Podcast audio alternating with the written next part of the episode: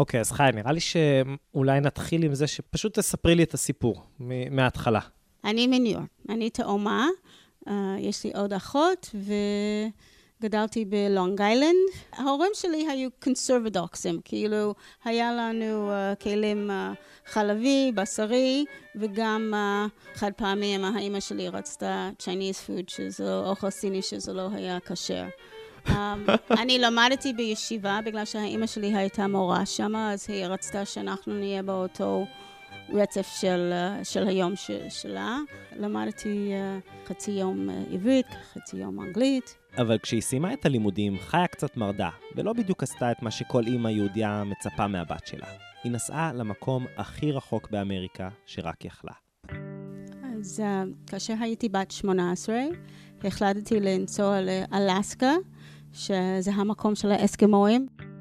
אף אחד לא סתם גר באלסקה. היא רחוקה, מבודדת, חצי מהשנה בכלל חשוך. אבל חיה רצתה להיות ביולוגית, ונסעה לחקור... בהמה שקוראים אצלנו לוטרס ים, שהיא מטפלת בגור שלה שנה שלמה בתוך המים, ואני הכרתי אנשים שלא טיפלו בילדים שלהם שנה שלמה מחוץ למים, אז, אה, אז החלטתי לנסוע לשמה. אהלן, וברוכים הבאים לפרק האחרון של העונה הראשונה של סיפור ישראלי. אני מישי הרמן, והפעם בסיפור ישראלי, בפעם הראשונה, אנחנו מקדישים את כל השעה לסיפור אחד, בשלוש מערכות. בדרך כלל אני נותן הקדמה ארוכה לסיפורים בתוכנית. אני מספר מי הדמויות, נותן קצת רקע, אבל כל מה שאתם צריכים לדעת בשביל הסיפור הזה, הוא שבדירה מאוד קטנה בבניין מגורים בצפת, גרים משפחת בן ברוך. כשנכנסים לדירה היא נראית כמו בית טיפוסי של משפחה חרדית מרובת ילדים.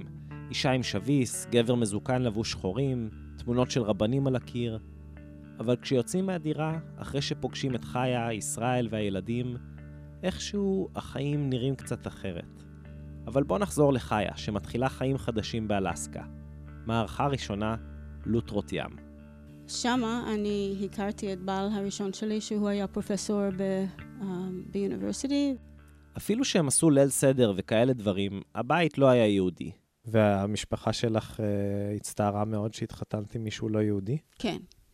כן, היה לי uh, דוד שאמר שאני עשיתי בשביל הנוצרים מה שהם לא היו יכולים לעשות בעצמם. כאילו, הורגים יהודים בעצם.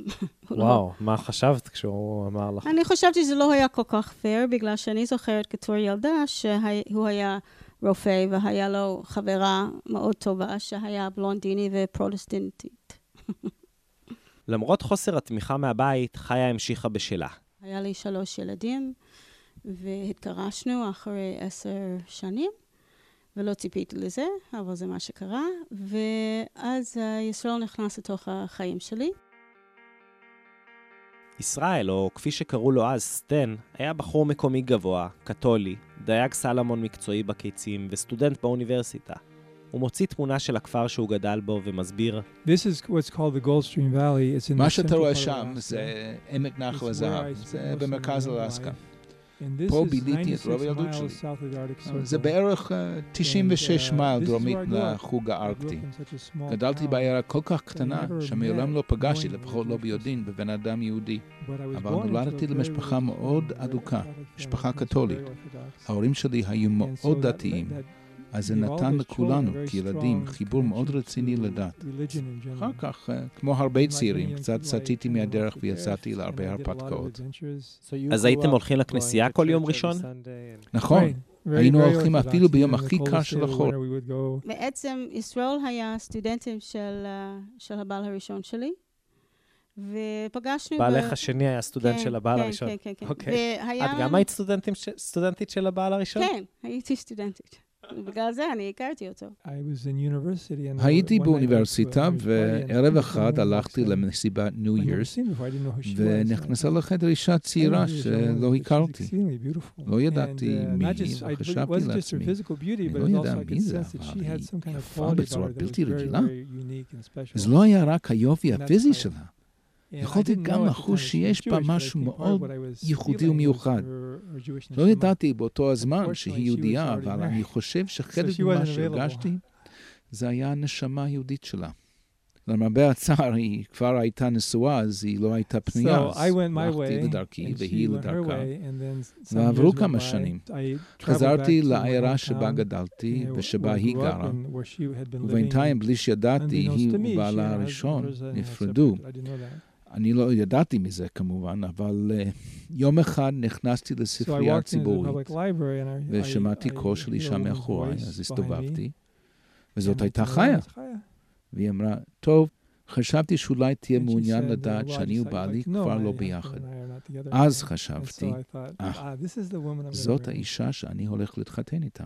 התחלנו uh, להיות ביחד, ואני זוכרת שאני דיברתי איתו ואמרתי לו, אחרי שבועיים, שאם החברותה בינינו לא ילך למשהו uh, לנצח, אז תלך מהחיים שלי עכשיו.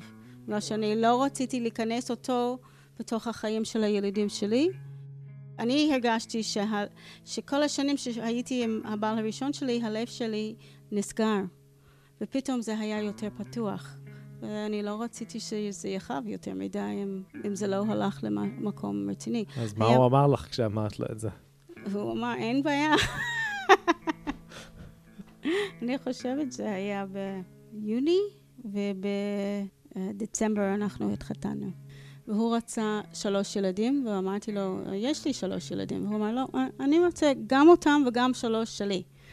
אז uh, היה לנו את ארי, ואחר כך את דניאל, ואז היה לי שני הפלות טבעיות, ונכנסתי בתוך היער באלסקה לפני שידעתי מה זה התבודדות, וטרחתי לקדוש ברוך הוא שהאבא שלי נפטר, היה לי הפלה, והאבא של ישראל נפטר, וזה היה מספיק, אני לא יכול לסבול עוד. וכל התפילה שלי היה ילד חי. אני לא התפללתי בריא, שלם וכולי וכולי, אני רק רציתי ילד חי בגלל שהיה לי את ההפלות האלה, אבל כנראה הקדוש ברוך הוא היה לו רעיונות אחרות, ובהרעיון הבא הכיתי 16 שבועות, אה, כל שלוש ימים היה אחות שבאה לתת לי אינפוזיה בגלל שלא יכולתי לשתות אפילו מים, וצחקתי שהילד הזה נתן לי מספיק צרות עד גיל 18. עשיתי אה, בדיקת חרבון עוברי וגם אולטרסאונד בשבוע 21, הכל היה תקין. ובתחילת נובמבר 1991, כשהשלג באלסקה כבר כמעט חסם את דלת הכניסה לבית, חיה ילדה את אביחי, הילד השישי שלה, והשלישי שלה עם ישראל. וכאשר התינוק שלי נולד, ראיתי שהאוזניים שלו היו מקופלות, וידעתי שזה אחד מהסימנים של ילד עם תסמונת דאונס, אפילו שלא חשבתי שהיה לי ילד תסמונת דאונס, על פי כל הבדיקות, אז אני שאלתי את המיילדת אם היא חשבה שהתינוק שלי ילד עם תסמונת דאונס. היא אמרה, אין לו את הפס האופייני שבדרך כלל יש לילדים מיוחדים עם תסמונת דאונס, והשרירים שלו היו די בסדר, תיקח אותו הביתה והכל יהיה בסדר בעזרת השם. כולנו בטח ראינו או הכרנו אנשים עם תסמונת דאון. פעם היו קוראים להם מונגולואידים, בגלל צורת העיניים המלוכסנת, הקצת אסיאתית שלהם. עד היום הערך מונגולואיד בוויקיפדיה מפנה לדף על תסמונת דאון, אבל כבר לא נהוג לקרוא להם ככה. התסמונת, שג'ון לנגדון דאון תיאר אותה ב-1866, מתאפיינת בלקויות קוגניטיביות ובתסמינים חיצוניים. יש 328 גנים על הכרומוסום ה-21 שזה מה שנוסף ב- בילד עם תסמונת דאונס. אז יש כל מיני דברים שיכול להיות. שיער חלק, 40% מהם יש להם בעיה ב- בלב, אצבע שקצת עקום, אוזניים מקופלות, עיניים קצת ציניות, אף קצת שטוח. זה כל מיני סימנים. ובנוסף לדברים האלו, לרוב האנשים עם תסמונת דאון יש מנת משכל נמוכה מהממוצע, והם נתפסים כבעלי פיגור שכלי. בגלל שרואים את זה בדיוק על הילד, פתאום אנחנו חושבים, אה, ah, הילד הזה תהיה מפגר. כאילו, בדרך כלל לא יכולים להסתכל על תינוק ויגיד, אה, ah, באוטוטו אתה תהיה עורך דין, או רופא, או משהו כזה, אבל רוב הילדים האלה הם שמו בתוך מוסד. ושמה אין אימא ואבא, אין מישהו קבוע, אין, אין מה שצריך כדי לחיות. אז אני חושבת שגם אני היו שמו אותי בתוך מוסד כאשר אני נולדתי, אני גם כן תהיה מפגרת. ובאמת, במשך שנים חשבו שאי אפשר ללמד, אלא רק לאלף אותם. אבל היום כל הגישה כלפי אנשים עם תסמונת דאון משתנה. כבר יודעים שזה לא תורשתי או מדבק, וגם שכיחות התופעה ירדה מאוד. הסטטיסטיקה מראה שאחת מכ-800 לידות היא של תינוק עם תסמונת דאון. והיום, בעקבות שיפורים בבדיקות לגילוי מוקדם שאפשר לעשות במהלך ההיריון, נולדים הרבה פחות תינוקות עם תסמונת דאון. משהו כמו 95% מההריונות שבהם יש חשש לדאון מופסקים, ורוב אלו שכן נולדים עם התסמונת נולדים באוכלוסיות יותר מסורתיות שפחות עושות בדיקות בהיריון, כמו הבדואים והחרדים. בכל מקרה, בחזרה באלסקה, המצב של התינוק הרך של חיה לא היה טוב. היה לי חשש, יש לו תסמונת דאונס, אין לו תסמונת דאונס, אם אני יכול להתמודד עם זה או לא, אבל זה היה הילד שלי, אני כבר חיברתי לילד שלי, אז זה לא היה משנה אם היה לו תסמונת דאונס או היה לו משהו אחר. איך זה שהבדיקות שאת עשית כשאת היית בהיריון עם אביחי לא הראו שיש לו תסמונת דאונס? בגלל שהבדיקה של החלבון עוברי, רק 80 אחוז נכון. אז אני לא הייתי באחוז שהיה נכון. אבל בשבילי זה היה נס. בשבילי זה היה טוב, אני חושבת, שלא ידעתי שהיה לי ילד עם תסמונת דאנס, בגלל שאני קיבלתי את הילד שלי, אני לא קיבלתי את התסמונת. אחרי שבוע היה לו בעיה בלב, בעיה רציני, שהוא היה נצטרך ניתוח לב פתוח. פחדתי שלא יהיה לי ילד. אז התסמונת דאנס היה משני לגמרי. התפילה שלי כל ההריון היה ילד חי. כאשר אני שמעתי שהוא היה נצטרך ניתוח לב פתוח, זה היה, מה אכפת לי אם יש לו תסמונת דאנס, אני רוצה שהוא יחיה. אבל באלסקה לא היו מומחים שידעו לערוך את הניתוח המורכב בלב הזעיר, וחיה טסה עם אביחי לפורטלנד. אחרי שש שעות הרופאים יצאו מחדר הניתוח והודיעו שהצליחו. ארבעה ימי התאוששות אחר כך חיה לקחה את אביחי הביתה, לאלסקה, ולאט לאט היא וישראל התחילו להתרגל לחיים עם תינוק עם צרכים מיוחדים. כשאביחי היה בן חמישה חודשים, חיה נסע יותר מ-600 קילומטר להשתתף בכנס של הורים לילדים עם צרכים מיוחדים. היו אנשי מקצוע, דוכנים, והורים אחרים ששיתפו אחד את השני בחוויות שלהם. וחיה, לגמרי במקרה, שמעה סיפור של אימא לתאומים עם סיסטיק פיברוסיס שנפטרו.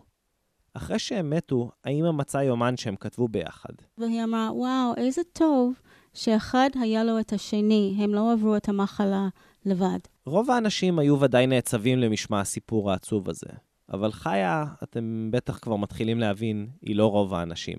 אז אני תאומה, אז אני חזרתי הביתה אה, לבעלי ואמרתי לו, ישראל, אנחנו חייבים לאמץ עוד ילד או ילדה עם תסמונת דאון, שאביחי לא תהיה לבד. הייתי חוצפנית, רציתי את הילד של מישהו אחר, כדי שהחיים של הילד שלי תהיה יותר טוב. וכמה שהרעיון הזה נשמע מטורף, יש בו הרבה היגיון. חיה בעצם רצתה לאמץ חבר קטן לאביחי. חבר שידע בדיוק מה הוא עובר ואיך הוא מרגיש. אבל לא כולם תומכים בגישה הזאת.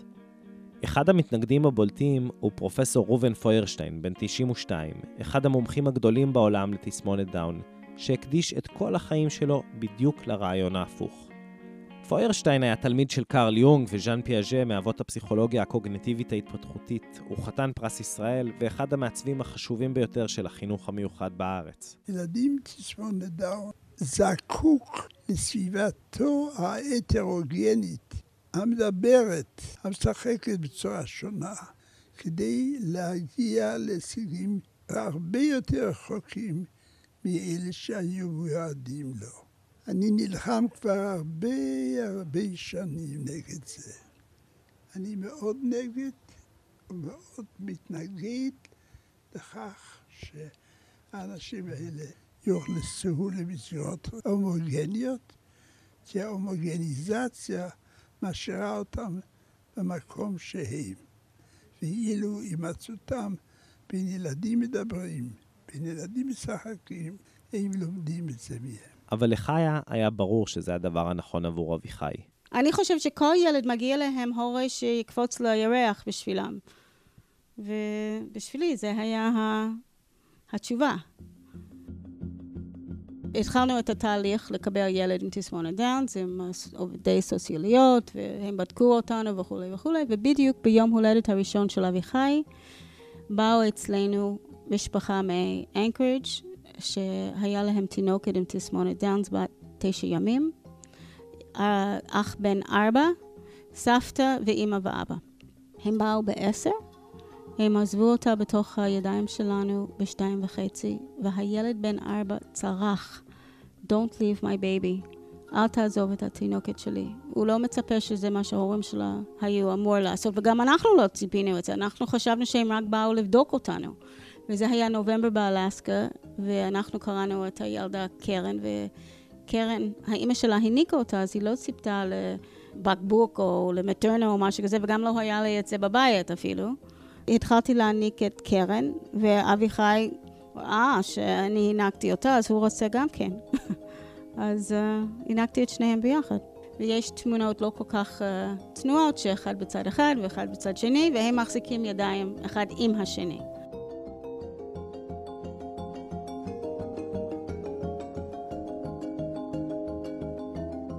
חיה, אתם זוכרים, נסע לאלסקה בעקבות הלוטרות. וכשחושבים על כל הסיפור של אביחי וקרן, אז משהו פה מתחבר. דוקטור אביעד שיינין, יושב ראש מחמ"לי, שזה מרכז חקר מידע וסיוע ליונקים ימיים בישראל, מסביר ש... היבט מאוד מיוחד של, ה... של הלוטרות זה הטיפול ההורי של האימא. האימא דואגת לכל הצרכים שלו בצורה מאוד מאוד אדוקה, מהשגת מזון, בשלב שהוא עדיין קטן, אז הוא יישאר על פני המים, בדרך כלל היא ככה קושרת אותו סביב הצות שלא יברח, והיא דואגת להביא לו אוכל, ואז לאט לאט הוא לומד כיצד מוצאים את האוכל וכיצד uh, בעצם uh, מסתדרים בעולם הזה. רק רבע מכמות הגורים שנולדים ישרדו את השנה הראשונה, התמותה היא מאוד מאוד גדולה. דבר שמאוד מעניין ודי ייחודי, שאם הגור מת מאיזושהי סיבה או נטרף, אז האימא תשמור עליו כמה ימים גם לאחר שהוא מת. שזה לא רואים בהרבה בעלי חיים, בדרך כלל האימא נוטשת את הגור המת, וזו תופעה מאוד מעניינת, שמראה כמובן על קשר אמאי מאוד חזק. אז מה שבאמת כבר בשלב הזה, מה שעניין אותך, זה היה נושא האימהות. בדיוק, בדיוק.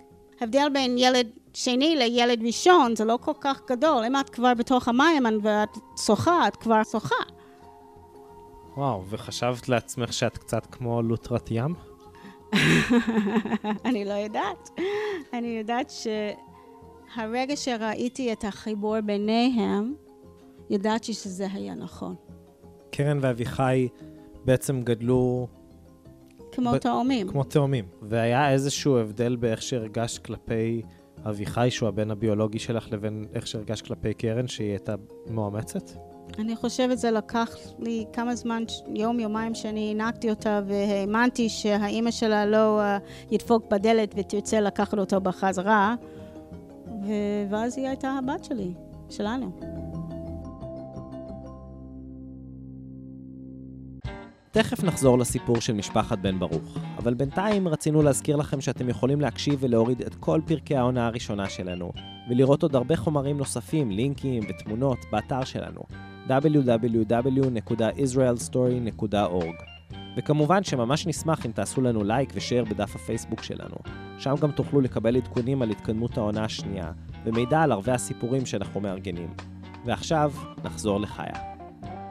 מערכה שנייה, צפת. למי שרק מצטרף אלינו, אנחנו חוזרים לסיפורה של חיה בן ברוך, שאחרי שבנה השישי אביחי נולד עם תסמונת דאון, החליטה יחד עם בעלה ישראל לאמץ עוד תינוקת עם תסמונת דאון, קרן, והתחילה לגדל את שני הפעוטות כמו תאומים. בפרבנקס, אלסקה, איפה שמשפחת בן ברוך גרה, לא היה קל לגדל שני ילדים עם צרכים מיוחדים. פשוט לא היו את התשתיות המתאימות. אז חיה וישראל החליטו לחפש קהילה חדשה, יותר תומכת, שאליה יוכלו לעבור. הם ביקרו בקהילות שיתופיות חקלאיות נוצריות, שבהם אנשים עם צרכים מיוחדים גרים יחד עם משפחות רגילות. הם אפילו מצאו מקום אחד שממש נראה להם, במינסוטה, אבל הם נדחו בגלל שהם באו עם שני ילדים מיוחדים משל עצמם. וגם חיה חושבת בגלל שהיא הייתה יהודייה. אז um, אני צחקתי עם ישראל ואמרתי, היי, hey, uh, מנסודה לא רוצה אותנו, אז בואו לגור בקיבוץ בארץ ישראל. חשבתי ששני ילדים מיוחדים לגדול בתוך קיבוץ זה יהיה חממה. אם אין להם רכב זה לא בעיה, אם הם עובדים בתוך uh, הקיבוץ בחקלאות או במקום זה יהיה טוב בשבילם. אז הוא אמר, אני אוהב את הרעיון הזה יותר טוב. חיה יצרה קשר עם קובי שרון, שליח העלייה של הסוכנות היהודית בסן פרנסיסקו. קיבלתי טלפון מחיה למשרד שלי, שבו היא אומרת לי שהיא רוצה לעשות עלייה לישראל. ומאיפה את? מפרבנקס, אלסקה. אה, נהדר. חיה סיפרה לקובי שכמה שליחי עלייה אחרים דחו אותה ברגע ששמעו על קרן ואביחי.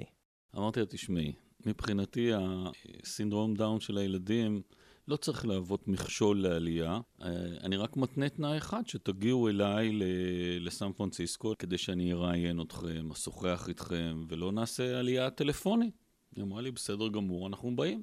בסוף, במקום לסחוב את כל המשפחה לקליפורניה, קובי בא אליהם, לאלסקה.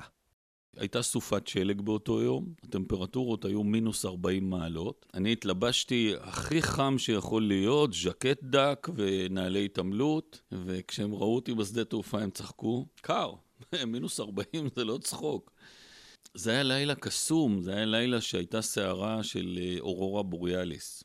אחרי שהוא התרגל לקור המטורף ולשמיים הירוקים, קובי התחיל להכיר את חיה, ישראל והילדים. הוא סיפר להם על הקשיים שכרוכים בעלייה, על הבדלי התרבות ומחסום השפה, אבל חיה, שאף פעם לא ביקרה בארץ, אמרה לו ש... אני אוהבת את ארץ ישראל כמו אימא שאוהבת את התינוק בבטן שלה, אפילו שהיא לא מכירה אותו, זה איך שאני אוהבת את ארץ ישראל. אתה יודע, חיה מקרינה משהו, חיה יש לה איזושהי הקרנה של אה, ביטחון, של אה, אמונה בצדקת הדרך, או, או בעשייה שלה. מאוד אנרגטית, אבל היא משדרת לא תזזיתיות, אלא היא משדרת רוגע וביטחון ואהבת אדם. ואני נדלקתי עליהם. זאת אומרת, הזוג הזה הוא זוג מדהים, והיא עם היכולות שלה והוא עם השקט שלו. הם אה, שני אנשים מדהימים, והם רצו לעלות לישראל. אז סטן, הדייג הקתולי מאלסקה, נשלח לארץ ככוח חלוץ. השנה הייתה 1994. האמת היא שלא היה לנו מושג למה אנחנו נכנסים. לא ידעתי עברית, ולא היה לנו שום מושג עד כמה התרבות פה שונה. אתה בא מרקע כל כך שונה, לא היה לי מושג עד כמה קשה זה יהיה. יחד עם חבר מדגניה, הם הלכו מקיבוץ לקיבוץ לברר אם היה קיבוץ שהיו מוכנה לקחת משפחה עם שני ילדים עם צורכים מיוחדים. שום קיבוץ לא רצה אותנו. הם אמרו שהם אה, מסתדרים עם הילדים הבעייתים שלהם, והם לא צריכים את הבעיות של מישהו אחר, ביי. כל מי שראה אותם בטח חשב על מוסדות שונים ועל אה, טיפול שהעלויות שלו, ההסעות שלו הן מאוד יקרות וכולי וכולי. ואני מניח שזה גורם לאנשים להגיד, אה, למה אני צריך את הבעיה הזאת? אבל למרות כל הדחיות, קרה משהו די מדהים. ישראל התאהב בישראל. אני זוכרת שהוא התקשר אליי והוא אמר, הם לא רוצים אותנו. ואני בכיתי כאילו שארץ ישראל לא רוצה אותנו. אבל ישראל אמר, אבל אני כל כך אוהבת ארץ ישראל ואני רוצה להתגייר ואני רוצה לבוא. והוא הלך לרב סם קצן בירושלים, שאמר לו, אל תדאג על הילדים המיוחדים, צורכים מיוחדים, ואל תדאג על השלוש ילדים הגדולים שאומרים שהם לא רוצים לעזוב את uh, ארצות הברית. תבואו ואתם תראו ניסים ונפלאות. אז באוגוסט 95, משפחת בן ברוך הגיעה לישראל יחד עם 16 ארגזים. וזהו. אבל הם הגיעו בהרכב חסר. שלושת ילדיה הגדולים של חיה, מנישואיה הראשונים, העדיפו להישאר באלסקה ולסיים שם תיכון. היה מאוד קשה לחיה להיפרד מהם, אבל בסוף היא, סטן ישראל, שני ילדיהם הגדולים בני השש והשבע, אביחי בן הארבע וקרן בת השלוש, עלו לארץ. באנו למרכז קליטה פה בצפת, שזה היה בניין 9, עכשיו אנחנו גרים בבניין 11. איך הגעתם לצפת מכל המקומות? אני חושבת שבגלל שבאנו מאלסקה, זה המרכז קליטה הכי צפונה שהם היו יכולים לשים אותנו. לא, לא דמיינת שתמצאי את עצמך בסוף בצפת. לא, בכלל לא. בכלל לא. חני אלגזי היא אחת החברות הכי טובות של חיה מאז שהיא הגיעה לצפת, וכאן היא מספרת על התחושות בשכונה כשהם הגיעו יחד עם אביחי וקרן. תשמע, צפת היא עיר הקבלה, והיא עיר שמקבלת הרבה טיפוסים, הרבה שונות. יש פה איזה מין אה, רכות ביחסים של אה, בין אדם לשני. בקבלה, באמת, בקבלה מבפנים. לא, לא ראינו בזה שום דבר אה, חריג או משהו. אז היא ככה. כן, משפחה כזאת. אבל חיה וישראל זוכרים תמונה קצת פחות ורדרדה. כשהם רק עברו לצפת... ישראל היה שם ילד אחד על הגב שלו וילד שני בתוך הידיים שלו, והוא היה מסתובב. והיו אנשים שעברו את הכביש כדי לא uh, לדבק במה שהיה לילדים שלנו. לא היה קל להתרגל לארץ, ישראל מדווח. בכל זאת, המון שינויים. אבל את השינוי הגדול ביותר הוא עשה לבד. וזה לא היה רק שינוי תרבותי, זה היה גם שינוי רוחני ודתי, כי הייתי צריך לעשות גיור, מה שעשיתי. אני עדיין ישראל, יש לי שם אחר, שיניתי את השם שלי, אוקיי? אז כן, במובן הזה אני אדם אחר. אבל האדם שנולד וגדל באלסקה זה עדיין חלק ממני. והתכונות האלה שלי משם, הטובות, אני מנסה לשמר אותם, והם עוזרים לי מאוד. גרים הם לפעמים נשמות כאלה ענקיות, שאתה פשוט נדהם לראות אותם. זה הרב שמואל אליהו, רב העיר צפת. כולנו מכירים את הסיפור של רות, שהייתה נשמה כל כך ענקית, שאנחנו לפעמים לא מסוגלים להכיל. מאיפה מגיעה כזה, כזאת עוצמה של חסד? אנחנו לא מוצאים, לא מוצאים את זה בתוכנו, והיא זכתה בסוף להיות אה, אימה של מלכות, אה, הסבתא של דוד המלך. זה פשוט דגם. דגם אה, להרבה גרים שאנחנו מכירים, שהם פשוט אנשים עם אישיות ענקית, ענקית. אין ספק שזה חלק מהתהליך של הבניין של עם ישראל, שנשמות מהסוג הזה באות ובסוף משקפות אותנו. גם בשביל חיה זה דרש הסתגלות. חשבתי, אוקיי, אנחנו נהיה כיפה סוגה ואני יכול לקרוא הארי uh, פוטר ודברים כאלה. Uh, אבל ישראל מתחזק ומתחזק יותר ויותר, והוא לומד תורה, ופעם הוא הלך עם אביחי וקרן uh, לעיר, על הטיילת. ומעל הטיילת יש ישיבת אור יקר, שזה ספרדי בעל תשובה. ואביחי ברח מישראל, והוא מצא אותו בתוך הבית מדרש של אור יקר, ואיך האנשים קיבלו את אביחי, הם ישבו איתו, הביאו לו מים וספר, הוא היה רק בן ארבע, חמש, משהו כזה. אמר, אם הם יכולים לקבל את אביחי, הם גם יכולים לקבל אותי. אז ישראל התחיל ללמוד באור יקר. תכלס, אפשר היה לסיים את הסיפור פה. זוג מאלסקה, מוליד תינוק עם תסמונת דאון, מאמץ עוד אחת, עובר ממינוס 40 מעלות לעיר הקבלה בצפת, ישראל, הדייג הקתולי תכול העיניים מתגייר, נהיה חרדי, ממש יש את כל המרכיבים הדרמטיים הנחוצים. אבל יום אחד, אחרי שנתיים במרכז הקליטה, קרה משהו שהסיט לחלוטין את מסלול החיים של משפחת בן ברוך. השכנה שלהם, חנה לוי, מספרת. אני פשוט תליתי כביסה בחוץ בחבל, וחי הייתה גרה ממולי. אז כשהיא הייתה תולת כביסה, גם היינו רואים אחד לשני ככה, מעל החבל של הכביסה. אז אני תולת כביסה, ובאותו יום שמעתי על איזו תינוקת שעזבו אותה בבית חולים. אז אמרתי, טוב, אני אגיד לחיה, אולי מכירה איזה משפחה, לא יודעת מה. אז התחלתי לספר לחיה שעזבו איזה תינוקת בבית חולים, ואם היא שמעה על זה, פתאום אני לא רואה את חיה, נעלמה. ואז אני מבינה שהיא רצה לבית חולים, היא פשוט נעלמה באותו רגע, הכביסה נפל למטה, והיא לא הייתה, איננה. אז רצתי לבית שלה לשאול, אז uh, תפסתי אותה בדרך החוצה של הבניין, היא אומרת, עכשיו אני הולכת לבית חולים, כאילו, למה אף אחד לא אמר לי? לתינוקת שחיה רצה לראות שהייתה בת חודש, לא היה שם. היא נולדה עם תסמונת דאון, ובגיל יומיים ההורים שלה נטשו אותה בבית החולים, ובגלל הבושה אמרו לכולם שהיא מתה. הורים בישראל יכולים להוליד ילד כן. עם צרכים מיוחדים. כן. ולעזוב את בית החולים בלי הילד?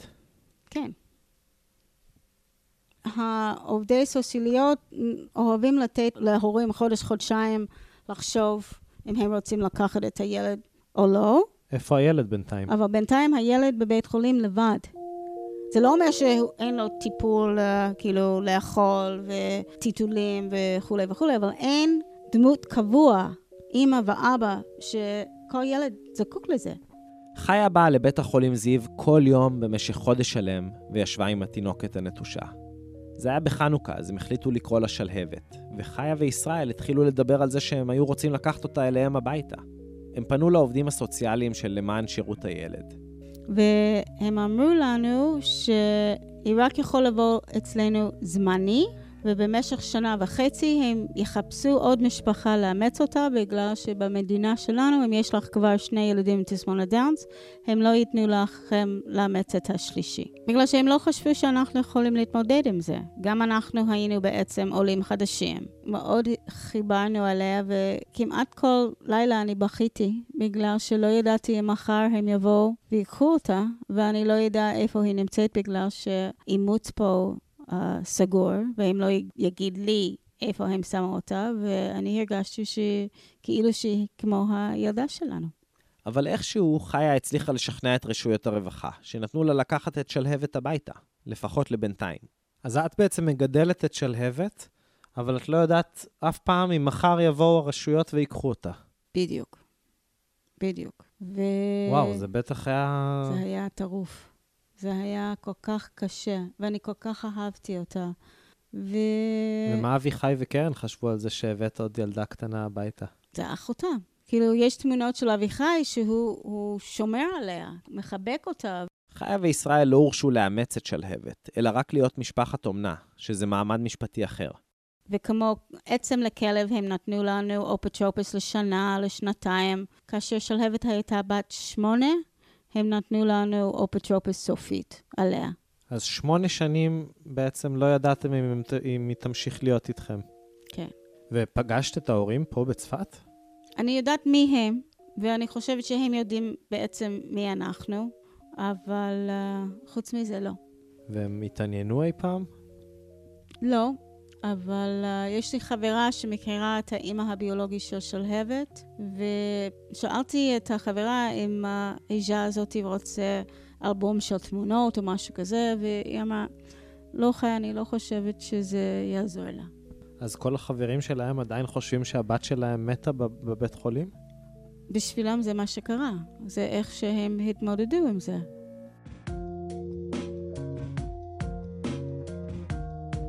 יש אנשים שמבלים את כל החיים שלהם בניסיון להימנע ממצבים מורכבים, ויש אנשים, כל מיני חיים למיניהם, שדווקא נמשכים אליהם. לפני שבע וחצי שנים שמענו על עוד תינוק עם תסמונת דאונס, וישראל אמר לי, למה את לא הולכת? אמרתי, מה קורה אם אני אתחיל לאהוב אותו? אז הוא אמר, מה אכפת לך? הוא חייב. בן אדם שתהיה צמוד איתו. אז הלכתי. המבט הראשונה שאני הסתכלתי על, על אורי, זה היה, לידי, תציל אותי או אני הולך. כאילו, הוא ממש היה על סף החיים שלו, ואז לא חזרתי הביתה. שעה הפוך להיות שעתיים, הפוך להיות 24 שעות, או אני או, או ישראל היה עם התינוק הזה. אורי, שהיה בן שבעה שבועות, היה במצב רפואי מאוד קשה. הוושט שלו לא הייתה מחוברת נכון לקיבה, הוא היה צריך ניתוח לב פתוח, ובנוסף לכל זה, היה לו דלקת קרום המוח. אז חיה וישראל התחילו לעשות תורנויות מסביב לשעון. אחד בבית עם שאר הילדים, ואחד בבית החולים עם אורי. גם בלילות, גם בשבתות, גם בחגים. חצי שנה הם בקושי התראו. איך זה היה לזוגיות שלך עם ישראל, התקופה הזאת שלא ראית אותו בכלל? כל הזמן, כאילו, אמרנו, ברוך השם שאנחנו לא זוג בני 20. כמו אצל שלהבת, כשהוא סוף סוף עמד בפני שחרור מבית החולים, חיה רצתה לקחת את אורי הביתה. ואז הרווחה נכנסו, והם אמרו, לא, הוא כל כך שברירי, הוא חייב להיות במוסד.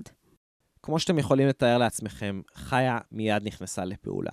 ואני התקשרתי למוסד כאילו שאני עובדת סוציאלית. רק אמרתי, תשמעו, יש לנו תינוק בן שלושה חודשים, תסמונת דאנס, תגיד לי על המוסד שלכם. מתברר שיש 100 ילדים מיוחדים. הוא תהיה הילד הכי קטן שם, זה לא היה מקום דתי, ולא היה רופא 24 שעות במקום.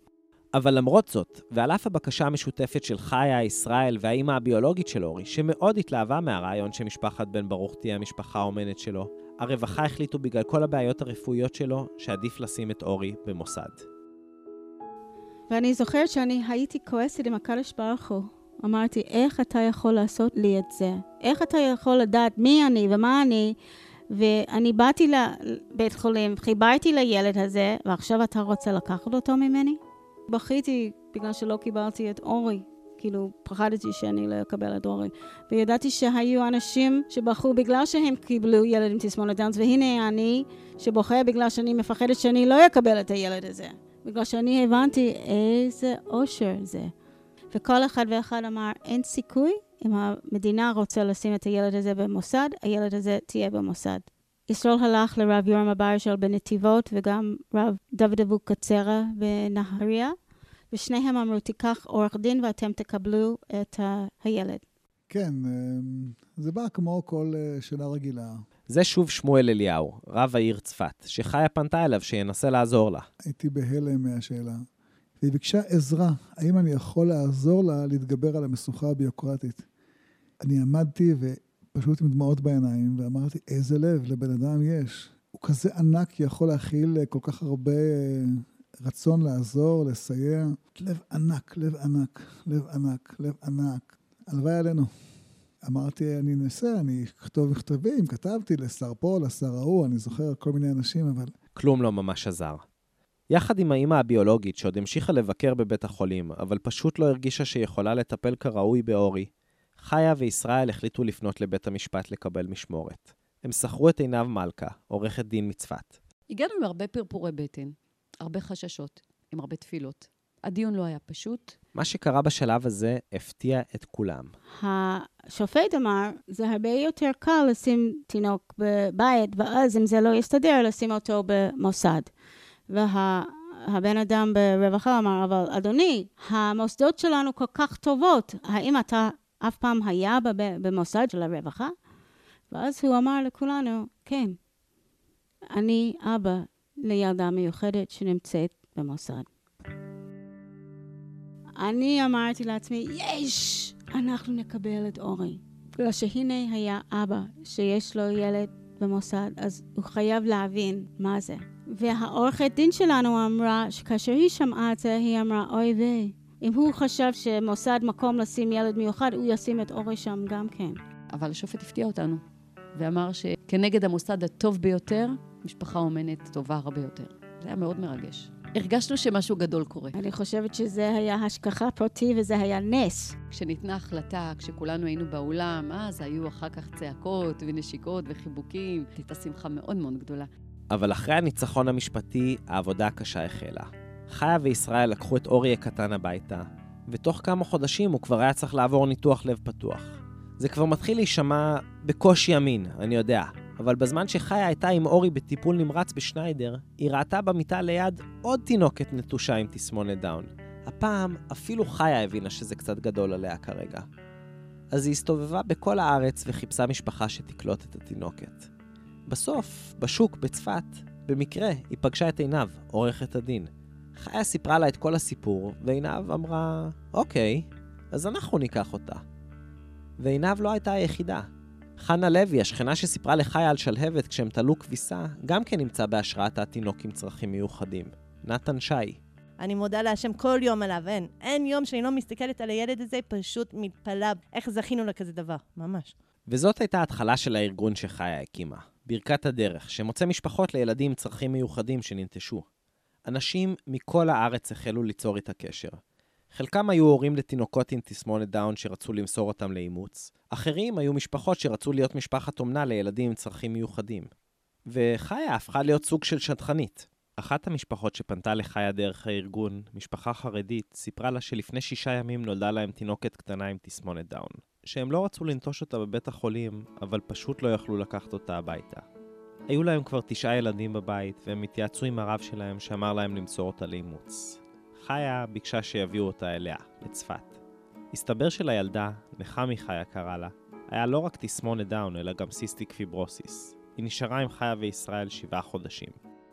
איזה ילדה יפה. אוי, אני אבכה אבל עכשיו. ילדה בובה. ילדים רגילים אתה לא רואה עם, עם כזה יופי. מלאכיות על הפנים, ואני לא מליצית כזאת בדרך כלל.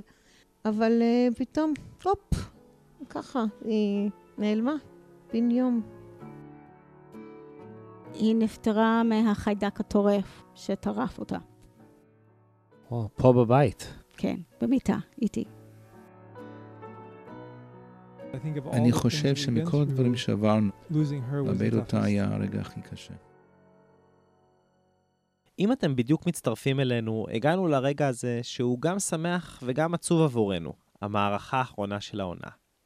מלא מכם כותבים לנו מכל רחבי הארץ והעולם, מהרכבת התחתית במוסקבה, ממלבורן, סטוקהולם, בודפשט, לוס אנג'לס. אנחנו אפילו יודעים על מאזינים משנג'ן בסין ומקיוטו ביפן, שמחכים כל שבוע לשמוע את התוכנית. וגם אנחנו מצפים בהתרגשות רבה לימי שישי. אחד הדברים המרכזיים שאנחנו מנסים לעשות כאן בסיפור ישראלי הוא להביא קולות וסיפורים של אנשים שאנחנו לא שומעים ביום-יום. לכן נסענו בכל המדינה לאסוף את סיפורי הרצל 48, או ישבנו 24 שעות שלמות בבית הפנקייק במחלף הסירה. סיפרנו את סיפורו של יקאלו, הפליט האריתראי, ואפילו הרחקנו עד ניו יורק לדבר עם נועה גיא, המלחינה שנתקעה שם אחרי שעברה פגיעת ראש קשה. היינו ביערות הכרמל השרופים, במסע כומתה של בנות יחידת עוקץ, ובעולם זיוף העתיקות של ירושלים במאה ה-19. סיפרנו על כתר הרם צובא, ישבנו עם ליאוניד פקרובסקי בבודקה שלו, וחיפשנו יחד עם טלי גריפל את האימא הביולוגית שלה. ועוד ועוד ועוד. אבל עכשיו מילה על העתיד של התוכנית. אנחנו כבר עובדים קשה מאוד על העונה השנייה, ואגב, אנחנו מזכירים לכולכם להיכנס לאתר, להציץ ברשימת הנושאים ולהציע לנו סיפורים. אבל החדשות הקצת פחות טובות הן שעוד אין לנו בית. או לפחות, אין לנו בית בטוח. בחודשים הקרובים מרכיבים בגלי צה"ל לוח שידורים חדש, ואנחנו מאוד מקווים להשתבץ שם, אבל עוד אין לנו מקום ודאי. וכאן אתם יכולים לעזור לנו. אם נהניתם ממה ששמעתם מהעונה, ואם אתם רוצים להמשיך לשמוע את סיפור ישראלי בגלי צה"ל, תעשו לנו טובה. קחו כמה דקות ותכתבו לנו אימייל לעוד את israelstory.org. זה od שטרודל israelstory.org. במייל אתם יכולים להגיד לנו מה אהבתם בתוכנית, מה ריגש אתכם, למה אתם רוצים שהיא תמשיך, או סתם אפילו משפט על זה שנהניתם להעביר איתנו את ימי שישי בצהריים. אנחנו נעביר את כל המסרים שלכם למקבלי ההחלטות בתחנה, ונקווה שזה יעזור להם להשתכנע להמשיך לתת לנו את הזכות לשדר בגלי צה"ל. ועכשיו חזרה לצפת. כל סיפור החיים של חיה עד כה הוא רק הרקע לסיפור שהביא אותנו אל משפחת בן ברוך מלכתחילה. האמת היא שעוד לא הגענו לחלק הכי מטורף בכל הסיפור הזה. אז הנה. רק להזכיר, אביחי הוא בנה השישי של חיה, הבן הביולוגי שלה, שנולד עם תסמונת דאון. זה שהתחיל את כל הסיפור. וקרן זאת התינוקת הראשונה שחיה אימצה, עוד באלסקה, על מנת שתהיה לתאומה עבור אביחי. מערכה שלישית, אביחי וקרן. בבר מצווה של אביחי ובת מצווה של קרן, אז אנחנו החלטנו לקחת אותם לבית מלון בירושלים, ולכותל, וישראל לקח את אביחי לצד של הגברים, ואני לקחתי את הבנות לצד של הנשים, ואביחי חזר והוא אמר, התפללתי שקרן תהיה הכלה שלי. ואמרתי, הא הוא רוצה להיות החתן שלך לקרן. והיא נתנה לי מבט כאילו, אמא, את לא יודעת כלום. חשבתי להתחתן את הבת שלי למישהו עם תסמונת דאונס, או הבן שלי עם מישהי עם תסמונת דאונס, אבל לא חשבתי אחד לשני. אני די בטוח שלא מעט גבות מורמות עכשיו. בכל זאת, אח ואחות. אמנם לא ביולוגים, אבל חיה העניקה את שניהם באותו זמן, והם גדלו יחד והכול. אבל חיה מסבירה את ההיגיון. הרבה הורים לא יכולים לקבל שהילד שהם, חסר להם משהו שהם לא יכולים לתת להם. אם יש לי בן, הוא צריך אישה. אני לא יכול לתת לו את זה, ואני אפילו לא מדברת מיניות, אני מדברת על גבר צריכה אישה, אישה צריכה גבר. כל אחד ואחד צריך בן זוג. אם הילד שלי היה הומוסקסואלי, גיי גזונטהית. אבל אביחי אמר לי, אמא, אני אוהב בנות, אני לא אוהב בנים. אז הייתי צריכה למצוא פתרון. הסיפור האהבה של אביחי וקרן זה נראה לי מגיל אפס, מאז ששתיהם נולדו, זה היה פשוט כתוב בשמיים שהם הולכים להיות בעל ואישה. זאת חנה לוי, השכנה. ראו מגיל קטן שהם פשוט זוג נשמות שמתאימים אחד לשני ומבינים אחד לשני. ולא נראה לי שיכול להיות כזה זוג שיותר מבין אחד לשני, עם כל הצרכים המיוחדים שלהם וכל האתגרים שהם היו צריכים לעבור בחיים והכול. אבל לפחות בהתחלה היה קשה לחיה להתרגל לרעיון. אז שתקתי חמש שנים, לא שמתי אנרגיה לזה שאביחי רוצה להתחתן עם קרן. ואז ראיתי שפעם היא לבשה שמלה שחורה מגמח, והיא מדדה את זה, ואביחי ראה את זה, והוא אמר, וואו, וואו, וואו, והיא התביישה, כאילו, וואו. אז uh, אמרתי לה, בואו להעביר את השמלה הלאה, והיא אמרה, לא, הוא אוהב אותי בזה. ואז הרגשתי שהיה קשר ביניהם שהיה יותר שונה ועמוק מאחים ואחיות. ואז כל פעם שהוא הלך לחתונה או היא הלכה לבר מצווה, אז הם ישבו כמו זוג מבוגר ואמרו, בחתונה שלנו תהיה מפה לבנה. בחתונה שלנו אהרון פרץ תעשה את הקייטרים. כאילו, הם התכוננו לחתונה שלהם, ולא יכולתי להזיז אותם מזה בכלל. וניסית? אני חיכיתי עד שהם ישכחו מזה. או שהוא מתלהבת ממישהו אחרת או משהו כזה, אבל זה לא קרה. זה רק יותר ויותר חזק. אפילו החברים הקרובים הרגישו קצת חוסר נוחות לגבי העניין. זאת חניה. לא היה לי נוח עם הרעיון הזה. אמרתי לה, אבל הם אחים, הם אח, הם אח ואחות. אבל uh, היא אמרה לי, אבל הם לא. נכון? כמה שאנחנו תופסים אותם כאח ואחות והכול. אבל הם לא, בעצם. לאט לאט חיה נכנסה לעניין. אחרי שעשיתי את הסוויץ' במוח שלי, שהוא אוהב אותה והיא אוהב אותו כזוג, אז לא היה עוד אופציה. כאילו היא יודעת בדיוק מה היא מקבלת, והוא כל כך אוהב אותו, אז למה? פעם הוא היה כועס, מתפוצץ, ואני שאלתי אותה, את בטוחה שאת אה, רוצה להתחתן איתו? והיא אמרה, כן, אני אוהב אותו. ראיתי צד של הבת שלי שאף פעם לא ראיתי את זה. אבל כמו שעינב, עורכת הדין, מסבירה, זה לא היה כל כך פשוט. זה היה אה, נראה קצת אה, תמוה ונשאלו שאלות, זאת אומרת, גם מבחינה הלכתית, גם מבחינת לאן הקשר הזה אה, יוביל, אה, האם הם יוכלו ללדת ילדים, אה, איך הם יסתדרו ביום-יום, גם מבחינה בטיחותית, בבית, חשמל, גז, אה, איך, איך הם יסתדרו. ברוב השאלות האלו, חיה וישראל היו אוטוריטה בעצמם, אבל בחלקם הם היו צריכים הכוונה. הם התייעצו עם רבנים, ביניהם עם הרב שמואל אליהו, רב העיר צפת. היו פה שני עניינים. הראשון היה נישואים בין אנשים שבעצם גדלו כאחים, אפילו אם הם לא. כשהם לא אחים ביולוגיים אין בזה בעיה. מי שמכיר את שיר השירים מכיר את הפסוק אחותי, רעייתי, יונתי, תמתי. אבל הסוגיה היותר מסובכת הייתה האם הם מבינים את מהות ברית הנישואים. לרב אליהו לא היו ספקות. הם מבינים מה זה חתונה, הם רצו אחד את השני. זה ברור, זה שברור שיש להם רגש ויש להם אהבה, ויש להם תחושות ויש להם מחשבות, ומהמקום הזה הם מצליחים להתחבר. וכל פעם שהם היו באים זה היה בשבילי כמו אה, שני דברים. מצד אחד גם אחד בקהילה ששואל שאלה, מצד שלי זה כמו ספר מוסר בשבילי. תראה את האנשים, הכאלה ענקיים, איפה אתה? תהיה גם אתה, תלמד גם אתה להיות אה, במקום הזה. איך בעצם היה המעבר הזה בין להיות אח ואחות ללהיות בני זוג? זה היה מאוד מעניין. יש סדרה של תמונות שלהם לפני החתונה, כאילו, אחרי שהם uh, שמו איפור על קרן, שרואים מהתמונות האלה שהם לא אחים ואחיות, שהם בני זוג. הם מחזיקים ידיים ויש חיוך. הם נוגעים אחד לשני בצורה כל כך... זה לא אינטימי, זה כל כך שמחה ושלמה, כמו כל זוג. מגיע להם את זה.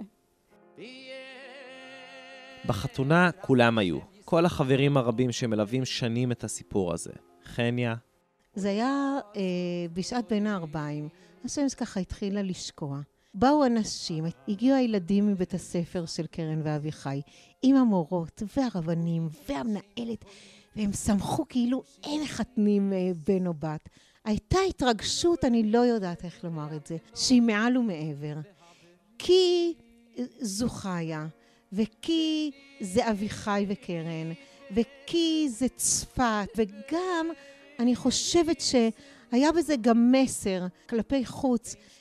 גם ילדים חריגים יכולים לחיות חיים קרובים לנורמל. יכולים אה, לשמוח, יכולים להיראות כמו חתן וכלה יפהפיים, רגילים ושמחים. החתונה הייתה מדהימה. לא היינו על הקרקע. לא היינו על הקרקע. גם קובי, שליח העלייה מאלסקה, היה שם, והוא שם לב ליתרון מובהק של חתונות מהסוג הזה. תשמע, קודם כל הסיפור שאין צד שני. זאת אומרת, ההורים של החתן הם גם ההורים של הכלה. זה הלך חלק לגמרי, אני חושב שזה פתרון מדהים למשפחות שרבות עקב החתונה, מי ישלם וכמה יעלה וכולי. הרב אליהו חיתן אותם. לא היינו צריכים להסתיר את הדמעות על אה, מפגש עם אה, כזאת אצילות נפש. אחד הדברים היותר מרגשים שהיה שם, שהחתן אה, לא הבין שצריך לחכות לחופה בשביל לאהוב את הכלה. כאילו, זה היה בשבילו, אנחנו כבר פה, גמרנו, כן. קצת פרה את כללי הטקס. אבל זה היה בסדר גמור. בחדר איחוד חיה מספרת. אביחי אמר לקרן, נו, איך זה היה? וקרן אמרה, בכיתי. והוא אמר לה, גם אני. חיה וישראל הזכירו עוד דירה בבניין שלהם, בדיוק קומה אחת למטה, בשביל קרן ואביחי, ו... בדיוק, אחרי שכולנו חזרו מהחתונה, שכולנו היו עייפים לגמרי, הם הלכו לחדר של קרן והם לקחו את כל הציוד, כל המיטות, כל הנעליים, כל הכל הכל הכל, והם הביאו את זה למטה וסידרו את זה. ומאז הם גרים יחד בדירה למטה, המטבח, כדי למנוע בלבולים, הוא חלבי, אבל חוץ מזה... הארונות שלה בתוך הדירה שלהם יותר מסודרת מהארונות שלי, ואנחנו לימדנו אותם איך להשתמש במכונת כביסה, והבית ספר לימדו אותם איך ללכת לעשות קניות.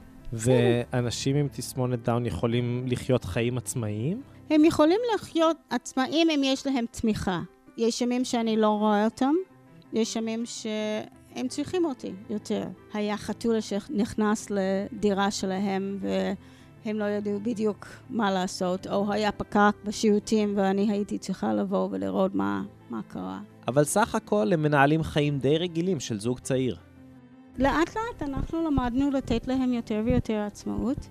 בחגים אני צריכה להגיד לאביחי, להבטיח לו על האש או משהו כזה, כדי שהוא יבוא לבית שלי, בגלל שיש כל כך הרבה חברים שרוצים שהוא יבוא לבית שלהם, שאני כמעט לא רואה אותם בחג. הייתה שאלה אחת די ברורה, שהיה לי ממש לא נעים לשאול. בכל זאת, אנחנו יושבים במטבח עם אישה חרדית, אבל בסוף הייתי חייב. וסליחה שאני שואל, אבל דיברתם איתם על, על מין? וכמובן, בניגוד לחששות שלי, לחיה בכלל לא היה אכפת. קצת. אנחנו דיברנו איתם, אבל אנחנו גם כן התייעצנו עם אנשים וייתן להם קודם כל את הסיכון לעשות את זה בעצמם. הם הולכים למקווה, היא הולכת למקווה, אין בעיה, אני לימדתי אותה את מה לעשות ואיך לעשות. אני לא יכול להגיד לכם שיש consummation of the marriage, אבל אני יודעת שיש הרבה חיבוקים ו- ויש הרבה uh, נשיקות ואכפתיות ודואגים אחד לשני. הגברים עם תסמונת דאונס עקרים, 99% מהם. אז זה אומר שהם לא יכולים להיות אבא. אבל זה לא אומר שהם לא זקוק לחיבוק בלילה. והנשים עם תסמונת דאונס, יש להם 50 אחוז סיכוי להיוולד עוד ילד או ילדה עם תסמונת דאונס. הנשים לא עקרות, אבל הפוריות שלהם לא מי יודע מה גם כן. ואמרת להם שהם לא יוכלו להוליד ילדים? אז, אז הם מתפללים בשביל uh, ילד, אבל אני זורק את העניין שלא לכל זוג תינוק. ומה הם אומרים על זה? אנחנו עדיין מתפללים. כמו הלוטרות שהיא חקרה, חיה אימהית כלפי כל חולי הדאון בצורה כמעט אינסטינקטיבית. היא מחפשת את הילדים האלו, למרות שהיא יודעת, כמו הלוטרה, שהרבה מהם, כמו נחמי, לא ישרדו. אבל למרות כל האהבה שהיא מעניקה להם, כנראה שהם בתורם מעניקים לה הרבה יותר. יש להם לב ממש ממש ארוך וגבוה ומלא, וזה מאוד יפה לראות. בסוף כל פרק אני אומר שאת התוכנית יצרו וערכו יחד איתי רועי גילרון, יוחאי מיטל ושי סטרן. אבל עכשיו שאנחנו מסיימים את העונה הראשונה, חשוב לי להגיד קצת יותר. אתם אמנם שומעים את הקול שלי יותר בתוכנית הזאת, אבל סיפור ישראלי היא שותפות אמת בין ארבעה חברי נפש, שמכירים מבית ספר יסודי ושעובדים ללא סוף בנוסף לעבודות ולחיים הרגילים שלהם, לגמרי בהתנדבות ומתוך אהבה אמיתית לרעיון של רדיו איכותי בארץ. בלי המחויבות היומיומית של שי, יוחאי ורועי, כל זה לא היה קורה.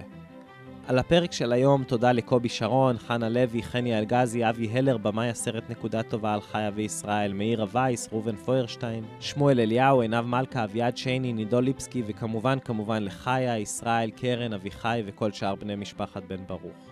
תודה למפיקה האחת והיחידה שלנו שהפכה לבת משפחה, שי אשרי, וכמובן לאישה שאנחנו עוקצים אותה בסוף כל פרק, אבל שבעצם בלעדיה כל זה לא היה קורה, אתי הנטע. שכששאלנו אותה לפני שנה אם אכפת לה שנריץ עליה דחקות כל העונה, היא אמרה ש...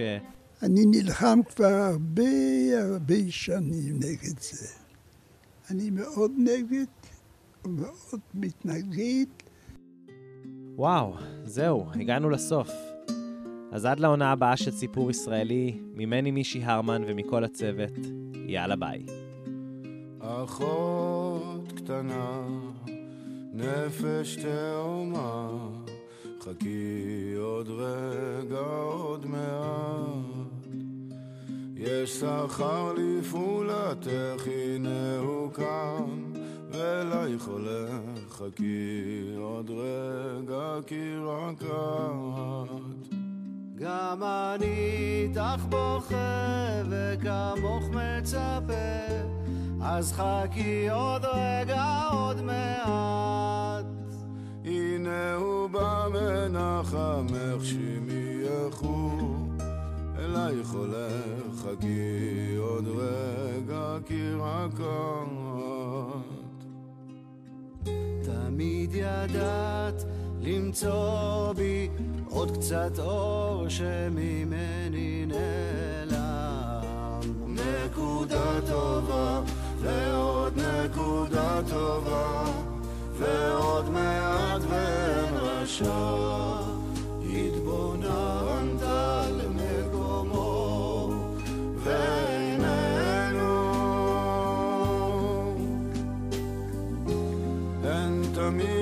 השכלת לשמוע את השיר שלנו שכמעט נדם. נקודה טובה ועוד נקודה טובה ועוד מעט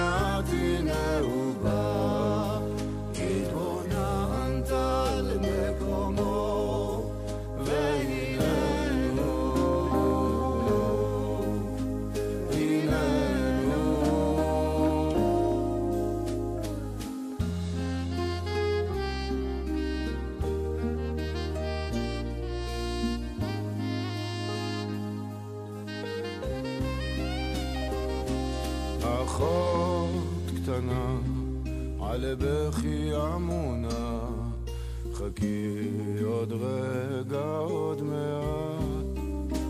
הנה הוא בא מנחמך איתה הרי, השמיע